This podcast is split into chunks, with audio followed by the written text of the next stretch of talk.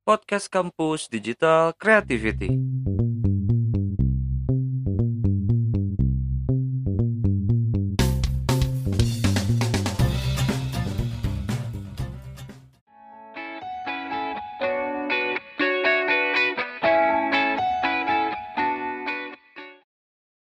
Hai Sobat POV, selamat datang di podcast POV.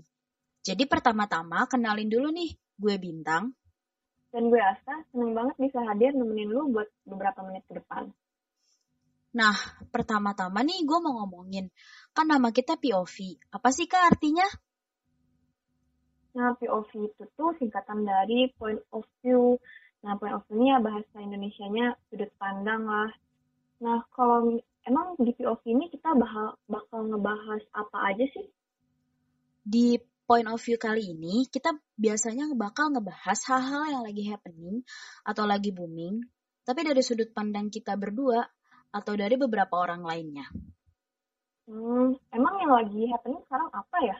Corona, ya nggak sih? Satu dunia kena corona. Iya bener banget kayak yang gak cuma di Indonesia doang di seluruh dunia ya bener satu dunia Mm-mm, satu semuanya dunia lagi sakit. Kasihan banget, semoga cepet berakhir sih corona ini. Semoga cepet pulih itu juga eh, apa namanya ngaruh banget gak sih sama kegiatan-kegiatan sehari-hari kita Bener banget. Terutama kita mahasiswa ngaruh banget ke kegiatan kemahasiswaan kita kayak ngampus atau bahkan ke kepanitiaan kita. Kalau di Iya. fakultas lo gimana? kalau fakultas gue kalau misalkan kuliah online-nya ya pakai Google Meet sih atau enggak pakai Hmm. Zoom juga ada terus juga ada juga yang enggak yang enggak tetap muka sama sekali jadi cuma ngasih tugas doang kalau lu gimana Oh, sama sih. Gue tuh paling kebanyakan dosen ngasih tugas, cuman ada juga yang pakai Zoom atau Google Meet. Tapi kita sekarang kayaknya lebih baik beralih ke Google Meet deh. Karena lo tahu kan yang berita yang lagi happening tentang Zoom yang dihack itu iya ya bener banget kayak lagi rame Eh, banget. hmm, apa sih lagi apa pem- pemilik Zoom-nya ya yang Mm-mm. masih tahu kalau misalkan Mereka ngejual data. hmm, data-data penggunanya tuh dijual ke dark web ya Mm-mm. Ke dark web. Terus habis itu, eh, lo tau gak sih yang di Twitter itu yang sempet rame, handphonenya nggak bisa digunain, tiba-tiba dia gerak sendiri karena ternyata emailnya itu kan tercantum tuh di Zoom itu.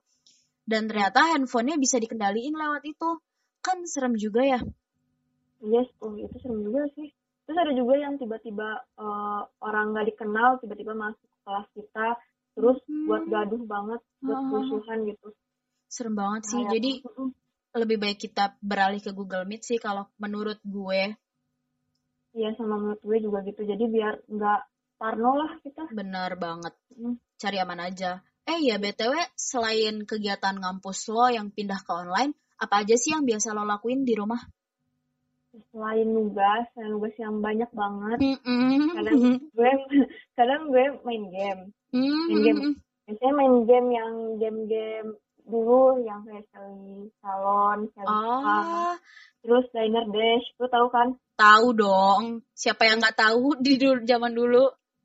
Ya gue jadi gue download lagi terus gue main Mm. game. Terus ada lagi baca buku, gue baca ulang buku-buku gue, Mm-mm. film sama quality time bareng keluarga. Oh. Lu gimana? Kalau gue sama sih, nonton film, ngedrakor. Itu hal yang paling penting sekarang.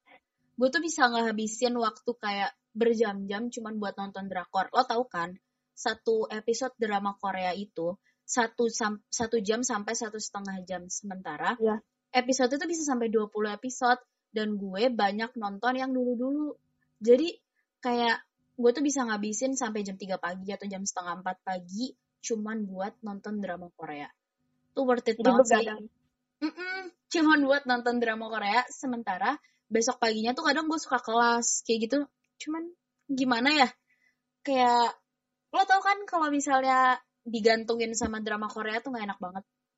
Tahu, tahu Ya banget. Gue kan? kadang nonton drakor kok.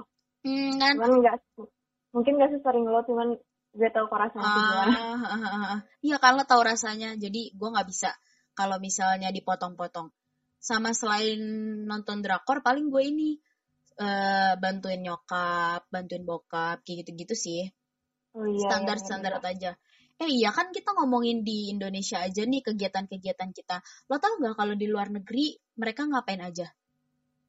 Nah, jadi kalau di luar negeri tuh ada berita buruk sama berita baiknya nih, good news, bad news. Lu lebih mending Hmm, gue beritain yang mana, gue ceritain yang mana dulu nih. kayaknya yang bad duluan deh.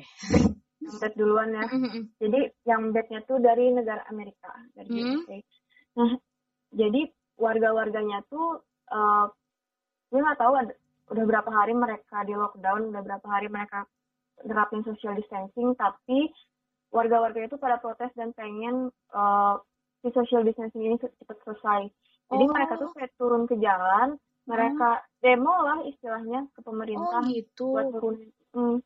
Jadi ya si praktik praktik social distancingnya kayak yang sia-sia aja soalnya mereka banyak yang turun ke jalan juga. Oh, Gitu. mereka terlalu menganggap remeh hal ini mungkin ya? Benar, benar banget mereka eh, ada beberapa alasan sih kenapa mereka turun ke jalan terus protes. Yang paling masuk akal menurut gue gara-gara masalah ekonomi mereka nggak bisa dapat kerja dan nggak bisa work from home jadi mereka pengen cepet-cepet kerja buat hidupin kehidupan mereka. Nah terus yang paling anehnya, yang paling gak masuk akalnya itu Mm-mm. mereka nganggep ya, ya itu benar kata lu, eh, corona ini emang diremehin sama beberapa warga di sana. Jadi mereka nganggapnya tuh ah ini cuman penyakit biasa atau enggak Konspirasi. Konspirasi atau enggak cuman apa ya dilebih-lebihin sama media doang. Oh. ya lagian kan kita juga bakalan mati kan nanti Ya bakalan meninggal suatu saat nanti. Ya udah ya ya kenapa harus takut sama virus ini? Itu parah banget sih warga-warganya yang nganggep kayak gitu. Apa mereka nggak ngelihat teman-teman mereka yang misalnya udah kena terus meninggal atau mereka ngelihat ya maksudnya mereka Amerika sendiri kan setahu gue nih dia masuk top 10 ya nggak sih? Yang di seluruh dunia yang terbanyak mereka nggak ngelihat Oh. keadaan di sekitar mereka apa ya? Iya mereka kan juga eh, benar kata lu apa pe- apa namanya si kasusnya banyak banget kan. Mm-mm. tapi nggak tahu kenapa ya nggak tahu deh gue juga bingung. Iya gue pikir Indonesia nggak kayak gitu lah gue pikir mereka karena open minded jadi mereka tahu apa yang perlu dilakuin sama apa yang nggak perlu dilakuin. Ternyata sama aja ya. Gue pikir lebih baik eh ya kan Iya. kita ngomongin berita buruknya nih kalau berita Hmm. baiknya apa nih Kalau berita baiknya ini dari Asia, dari Vietnam. Jadi Hmm. Vietnam ini eh, udah enam hari atau berapa hari ya? Udah udah beberapa hari pokoknya udah beberapa hari mereka nggak ada kasus virus corona lagi nih nggak oh ada kasus iya yang kena. Mm. Jadi mereka eh, dua kota di Vietnam itu ngelonggarin si sistem lockdown ini, sistem Mm, mm, social distancing. Jadi si warga-warganya udah bisa keluar. Itu keren banget gak sih? ih itu keren banget sih kayak itu yang diinginkan sama satu dunia ini sekarang terus mereka udah Benar, bisa benar banget. bahagia banget sih itu pasti karena mereka nurut karena mereka jaga diri di rumah ya kan Mm, mereka juga eh, masuk duluan sih kalau misalkan dalam penanganan virusnya juga Mm-mm. mungkin karena emang deket sama negara Cina jadi iya sih jadi ya cepat gitulah penanganannya tapi ya salut salut banget lah Iya, itu keren banget sih. Masalahnya kan kita lihat keadaan di Indonesia aja udah sampai hampir hampir berapa ribu ya di Indonesia teh? udah tujuh ribu delapan ribu ya udah udah lumayan Hmm. banyak Tuh kan kayak gitu.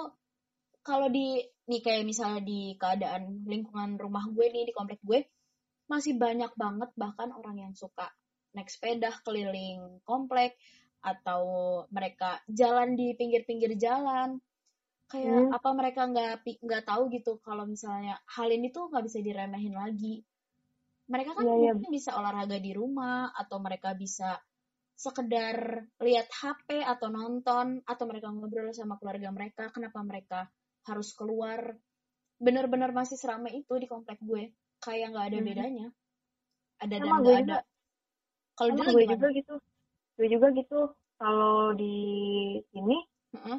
eh, si jalan besarnya jalan besar yang kosong. Hmm, kalau kalau sepengetahuan gue jalan besar kosong tapi kalau jalan-jalan komplek itu biasanya tetap sama aja Rame. kayak di hmm, sama aja kayak biasa biasanya iya mungkin ya orang-orang anggap ya udahlah jalan komplek deket ini jadi ya ya udah sih mungkin itu pemikiran orang-orang. Tapi kan logikanya sedekat-dekatnya jalan komplek, lo kalau sentuhan sama orang yang ternyata dia carrier ya kan, bukan yang terkena penyakit itu, eh, maksudnya dia nggak munculin gejala, tapi dia carrier, gak ada yang tahu kan kalau misalnya ternyata lo nggak sengaja kesentuh atau gimana. Jadi iya iya. mereka nggak sampai situ kali ya mikirnya. ya bener juga sih ya tapi ya gimana lagi lah Iya sih. semoga eh, semoga makin Cepet banyak lah yang ngerti ya semoga cepat berakhir amin Tapi gue salut Ya udah. sih sama itu pekerja-pekerja yang masih harus kerja di kantor. Mereka keren Oh. sih. Kayak ya sama, sampah itu sama yang kan hitungannya riskan banget. Mereka bakal kena. mm, mm, bener banget sama yang eh, di garda terdepan juga nggak sih kayak perawat bener. dokter itu juga benar-benar salut sih Iya, coba sumpah gue bayangin apa tuh? coba bayangin lu gue, gue kepikiran yang Amerika tadi bayangin Heeh. lu eh, jadi dokter sama perawat lah di di Amerika terus Heeh. warga-warganya pada pada nggak bisa diatur gitu aduh nyebelin banget Mm-mm. Itu pasti makin banyak kan korbannya karena kalau demo mereka kumpul jadi satu. Sementara Mm-mm. satu sama lain nggak ada yang tahu kalau ternyata mereka kena atau mereka nggak kena. Kan kalau menyebar kasihan ya. Iya bener banget apalagi gue liat videonya tuh mereka nggak ada yang pakai masker kalau ada yang pakai masker juga jarang banget Ya ampun. Ya karena Ya, mereka bener-bener. nganggep remeh. Jadi nggak mungkin pakai apa yang perlu dipakai, iya kan? Mm, bener jadi ya udah biasa aja sih ya udah bodo amat lah Mm-mm. Bingung deh sama orang-orang zaman sekarang. Mm. Eh iya, oh ya btw apa tuh? eh kegiatan sosial pasti banyak kan kayak orang-orang Hmm, yang Bener. Kayak terbukalah hatinya buat nyumbang-nyumbangin. Ada nggak sih yang kayak artis-artis itu yang lu dapet? Ada nih. Jadi ada salah satu public figure yang gue tahu. Namanya Enzi Storia. Pasti lo tahu kan? Tahu-tahu. Dia itu eh, waktu awal-awal berita corona ini menyebar, dia ingin memberikan eh, atau menghidupi 10 keluarga yang orang tuanya atau kepala keluarganya si ayahnya ini terkena corona. Karena kan logikanya kalau ayahnya terkena corona, si keluarga ini nggak bisa dapat mata pencarian karena otomatis ayahnya harus dirawat di rumah sakit atau setidaknya diisolasi di rumah dan nggak boleh ketemu mereka sekalipun. Jadi si Benar. NC ini eh, apalagi dia masih muda ya, sangat ba- sangat amat menginspirasi kita-kita yang anak muda buat ngebantu sesama kita. Kayak gitu sih menurut gue bagus banget sih, apalagi dia public figure jadi bisa dilihat orang. Ya kan? Iya, iya, iya, bener banget. Wah, Terus ada satu lagi bisa- nih, Siapa tuh? eh, pasti lo tahu dong, selebgram Aukarin. Oh, Karin tahu lah, tahu Hmm. lah gue. Terlepas tuh? dari segala hal hiruk pikuk kenegatifannya dia, gaya hidupnya dia, dia itu Hmm. melakukan salah satu kegiatan yang menurut gue patut banget sih dia cungi jempol. Kalau dari yang gue lihat di snapgramnya dia, dia itu punya satu kegiatan yaitu ngesterilin pakai disinfektan eh, tempat-tempat ibadah, rumah-rumah di sekitar dia atau di jalan-jalan. Jadi tuh dia Wow. sengaja nyiapin dia dengan timnya sih, dia sama timnya si A team ini eh, Hmm. kerja sama buat ngebersihin sama ngasih disinfektan ke gereja-gereja, ke masjid, ke vihara, ke tempat-tempat rumah-rumah warga. Menurut gue apalagi dia masih muda ya, terlepas dari semua hal negatifnya, itu patut banget dia cungi jempol sih. Bener-bener banget. Jadi semua warga yang di sekitar sana jadi ikut kebantu ya. Hmm, bener banget. Terus Hmm, kan apalagi sekarang lagi puasa. hmm. Eh, menurut lo beda gak sih puasa yang tahun-tahun lalu sama sekarang pas PSBB? beda loh, beda banget. Beda banget kelihatannya.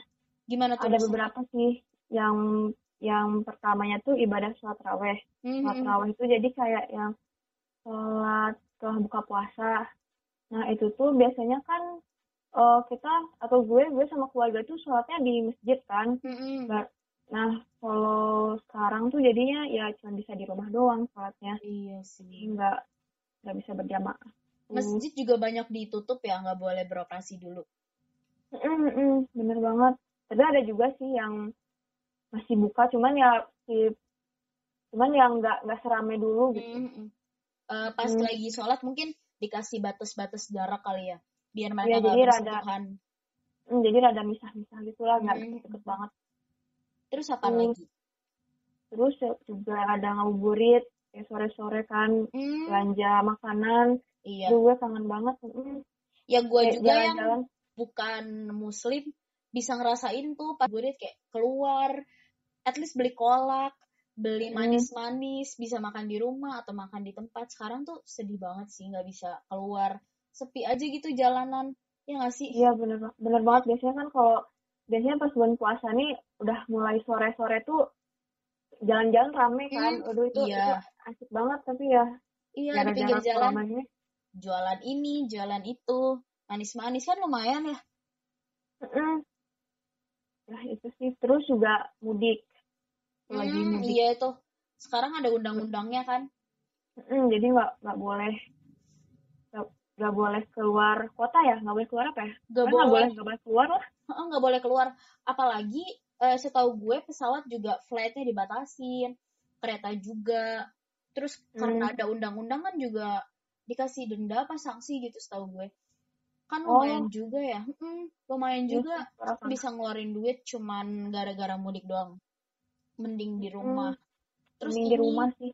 eh, kalau menurut gue juga gara-gara misalnya kita dari kota nih terus kita pengen pulang ke misalnya ke kampung gitu kita kan Hmm. nggak tahu ya kalau ternyata diri kita itu carrier bukan orang yang kena gejala tapi kita bisa nularin ke orang tua kita misalnya yang di kampung atau misalnya bisa nularin ke kakek nenek karena mereka Bener. udah tua jadi lebih rentan buat Bener. ya kan bener-bener banget. Gue ngeliat ada beberapa kasus tuh di berita yang emang anaknya dari kam anaknya dari kota terus Mm-mm. pulang kampung orang tuanya yang kena itu sedih banget sih. Sedih banget sih ya ampun.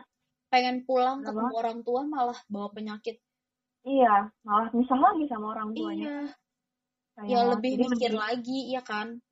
Mm. lagian kalau misalkan pulang kampung juga nanti kan kita diisolasi 14 hari ya. Oh iya dua benar minggu. Jadi ya ujung-ujungnya ka- kayak pindah rumah lagi aja Iya. cuman ya sia-sia jadi waktunya. nggak iya. Jadi nggak silaturahmi lah ujung-ujungnya. Tetap Iya di rumah sih. aja sih. Lebih baik Jadi tetap ya. di rumah. Bisa video call pakai tadi Google Meet lah atau apa pun. Benar-benar banget walaupun nggak se nggak nggak sama kayak eh, ya ketemu langsung tapi ya paling nggak bisa ngobatin kangen lah. Bener ya Hmm. habisnya daripada kita ke sana malah bawa penyakit kan kita emang masih muda jadi masih kuat fisiknya sementara orang tua kita kan udah tua mereka maksudnya lebih riskan gitu loh hak eh imunitasnya daripada kita jadi lebih kasihan kalau ternyata mereka yang kenapa-kenapa benar benar banget ya jangan pada bandel Hmm, jangan pada bandel pulang-pulang Hmm. kalau misalnya Oh, iya. gue itu Apa tuh? kegiatan agama gue yang paling deket nih paskah udah lewat sih. Cuman Hmm. eh, kan ada rentetan tuh kalau di gue tuh ada rentetannya gitu. Eh, rentetan kejadian yang pertama tuh Jumat Agung. Jadi Jumat Hmm. Agung itu eh, kematian Tuhan Yesus gitu jadi dia disalib gitu kan. Nah Iya. kalau biasanya itu tahun-tahun lalu gue ke gereja perjamuan kudus.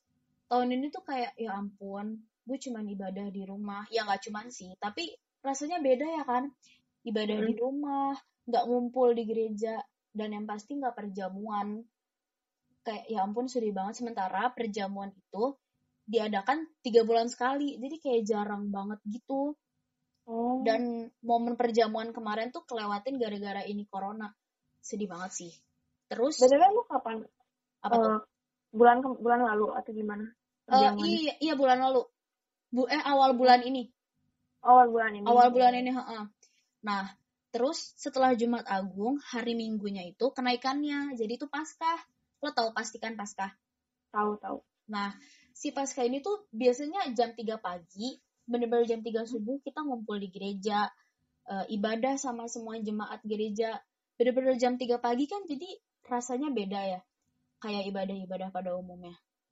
Dan kemarin tuh ya udah sekedar ibadah aja di rumah eh baca Alkitab. Terus ini gue tuh ibadahnya pakai YouTube oh iya iya iya Mm-mm. jadi pendetanya eh, video gitu di YouTube Hmm. nah kadang ada yang streaming, kadang ada yang udah dimasukin ke YouTube-nya, jadi kita tinggal tonton jemaat-jemaatnya. Nah itu yang gue Oh. lakuin. Itu kan sedih Oh, banget ya, gitu. nggak bisa nggak bisa benar-benar ngumpul ngerasain kebersamaannya bareng ya jemaat-jemaat seiman, sedih banget sih.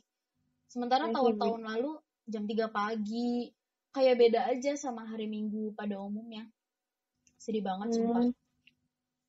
Ya ya ya, gue baru inget.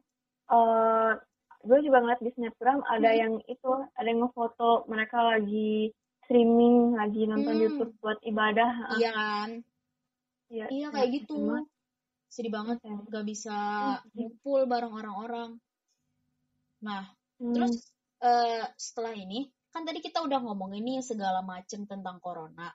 Dan yang Iya. pasti eh, kita makin gabut gak sih di rumah gara-gara PSBB ini? Benar-benar. Jadi kali ini gue sama Aska bakal kasih sobat POV beberapa rekomendasi film buat ya menemenin gabut-gabut lu semua. Oke deh, dari siapa dulu nih? Boleh lo dulu. Dari gue dulu ya, gue Hmm. bakal eh, ngasih rekomendasi film misteri, genrenya misteri. Jadi yang Apa tuh? pertama itu Searching, film tahun 2018 kalau nggak salah. Lu tau nggak? Hmm, pernah denger tapi gue nggak nonton. Gimana tuh ceritanya? Jadi Searching tuh nyeritain tentang ayah yang kehilangan anaknya. Jadi Oh. ayahnya itu tuh eh, apa namanya? Ayahnya tuh kayak nyari-nyari gitu loh, kayak lapor polisi. Terus juga dia kayak nyari sendiri, tapi eh, pakai media teknologi, pakai laptop, pakai HP. Pokoknya pokoknya digital banget lah. Mm-mm. Asik asik ditontonnya juga. Soalnya kita eh, pertama ngelihat pemain pemainnya langsung kan, ngeliat ayahnya Hmm. langsung. Kedua kita juga eh, bisa ngelihat layar laptop atau layar HP-nya juga gitu. Jadi sudut pandangnya beda-beda. Jadi asik lah. Iya, iya, iya. seru tuh. Bisa Ya, masuk juga. film gue. Ceritanya juga asik. Terus ada plot twist-nya gitu deh. Hmm, iya ya. Demen tuh gue suka nggak nonton-nonton film plot twist gitu kayak unexpected ending. Iya benar-benar. Gue Iya juga kan? suka. Hmm, benar banget.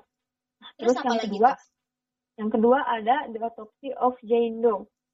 Jadi Apa ceritanya itu tuh, ceritanya itu tuh eh, soal ayah dan anak lagi. Mereka itu eh, kerjanya mengotopsi, mengotopsi eh, mayat-mayat, Hmm, mayat-mayat gitulah. Nah terus tuh di film ini tuh mereka eh, mengotopsi satu mayat misterius itu. Jadi mayatnya nggak ada nggak ada nggak ada, tanda, nggak ada tanda pengenal lah, nggak diketahui dan Oh. sama polisi dikasih nama Jane Doe. Nah itu tuh pokoknya pas waktu selama selama otopsi itu tuh banyak kejadian-kejadian aneh deh. Ini sebenarnya jatuhnya bukan ke misteri sih, tapi lebih ke horor. Tapi tetap Mm-mm. ada misterinya juga. karena dia ngepecahin suatu masalah ya. Mm, Bener-bener banget. Oh, berarti film-film dari lu tuh lebih ke misterius, horor gitu-gitu ya? Iya, genre misteri. Hmm, Hmm. hmm, hmm, hmm. Hmm, Kalau- lu gimana? Kalau dari gue, gue tuh pecinta drama-drama romance yang sedikit cheesy gitu, tapi ya lo tau lah cewek-cewek kayak gitu. Ya, gue juga suka kok. Hmm, iya apa aja, apa aja emang. Yang pertama tuh ada Isn't It Romantic. Lo tau gak? Isn't it romantic? Mm-mm. Apa tuh? Jadi nih film gak tayang di ini, gak tayang di bioskop, tapi dia tayang di Netflix. Oh, jadi versi serial, bukan serial ya? Enggak, dia film, Film. benar-benar Oh. film aja. heeh.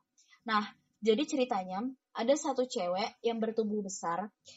Dia tuh suka sama satu artis, benar-benar punya idola. Nah, si Hmm. idola ini tuh dia kayak nggak bakal bisa ngegapainya deh. Sampai suatu saat dia kejedot sama satu tiang. Pas dia kejedot sama tiang, dia jatuh dan tiba-tiba dia bangun di dunia yang berbeda. Dia bangun di dunia di mana ternyata si artis yang dia suka ini adalah pacarnya dia di waktu yang itu. Di waktu Oh. di mana dia bangun. Benar-benar kayak kok bisa gitu kan. Terus habis itu eh, ceritanya sih si- sedikit plot twist ya. Tapi itu benar-benar kocak banget. Menurut gue ya, itu kayak kocak banget. Kayak kelakuan si ceweknya, terus kelakuan si cowoknya. Sementara si ceweknya juga punya sahabat gitu. Nah sahabatnya Hmm. ini sam deket banget deh sama si si ceweknya. Kayak udah best friend banget. Hmm. Pokoknya intinya agak plot twist sih. cuman bagus banget sih tapi film ini ringan banget ringan banget buat ditonton pas lagi mau chill gitu-gitu Hmm. Ya, gue jadi penasaran tuh nanti gue liat trailernya deh. Iya, sok. Terus lanjut. yang kedua, kalau tadi filmnya ringan, kalau yang ini filmnya agak menyayat hati gitu, menurut gue ya. Tapi sama Sedih. masih romance juga. Judulnya Midnight Sun. Apa tuh? Jadi Midnight Sun ini ceritanya ada satu cewek, ceweknya Ya. tuh kena penyakit benar-benar dari jadi setelah ibunya meninggal itu dia kena penyakit yang kalau misalnya kulitnya kena sama sinar matahari dia bisa sakit benar-benar sesakit itu terus dia bisa meninggal. Sampai suatu saat dia kan ka- kamarnya ada di lantai dua.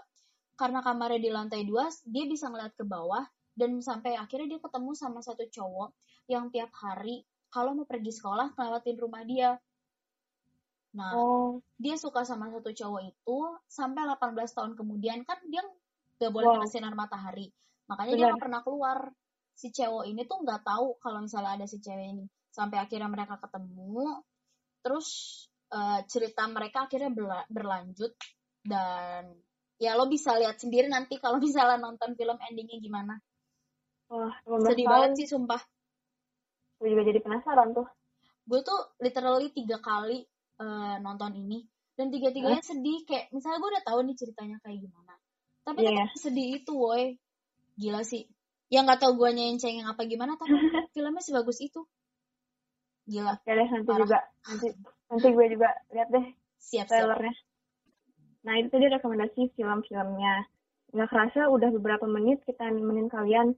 Tapi jangan sedih, minggu depan kita bakal balik lagi dengan topik-topik baru yang tentunya lebih seru dan menarik. jadi makasih banyak ya buat sobat POV yang udah dengerin kita selama kurang lebih 30 menit sampai ketemu minggu depan bye 拜拜，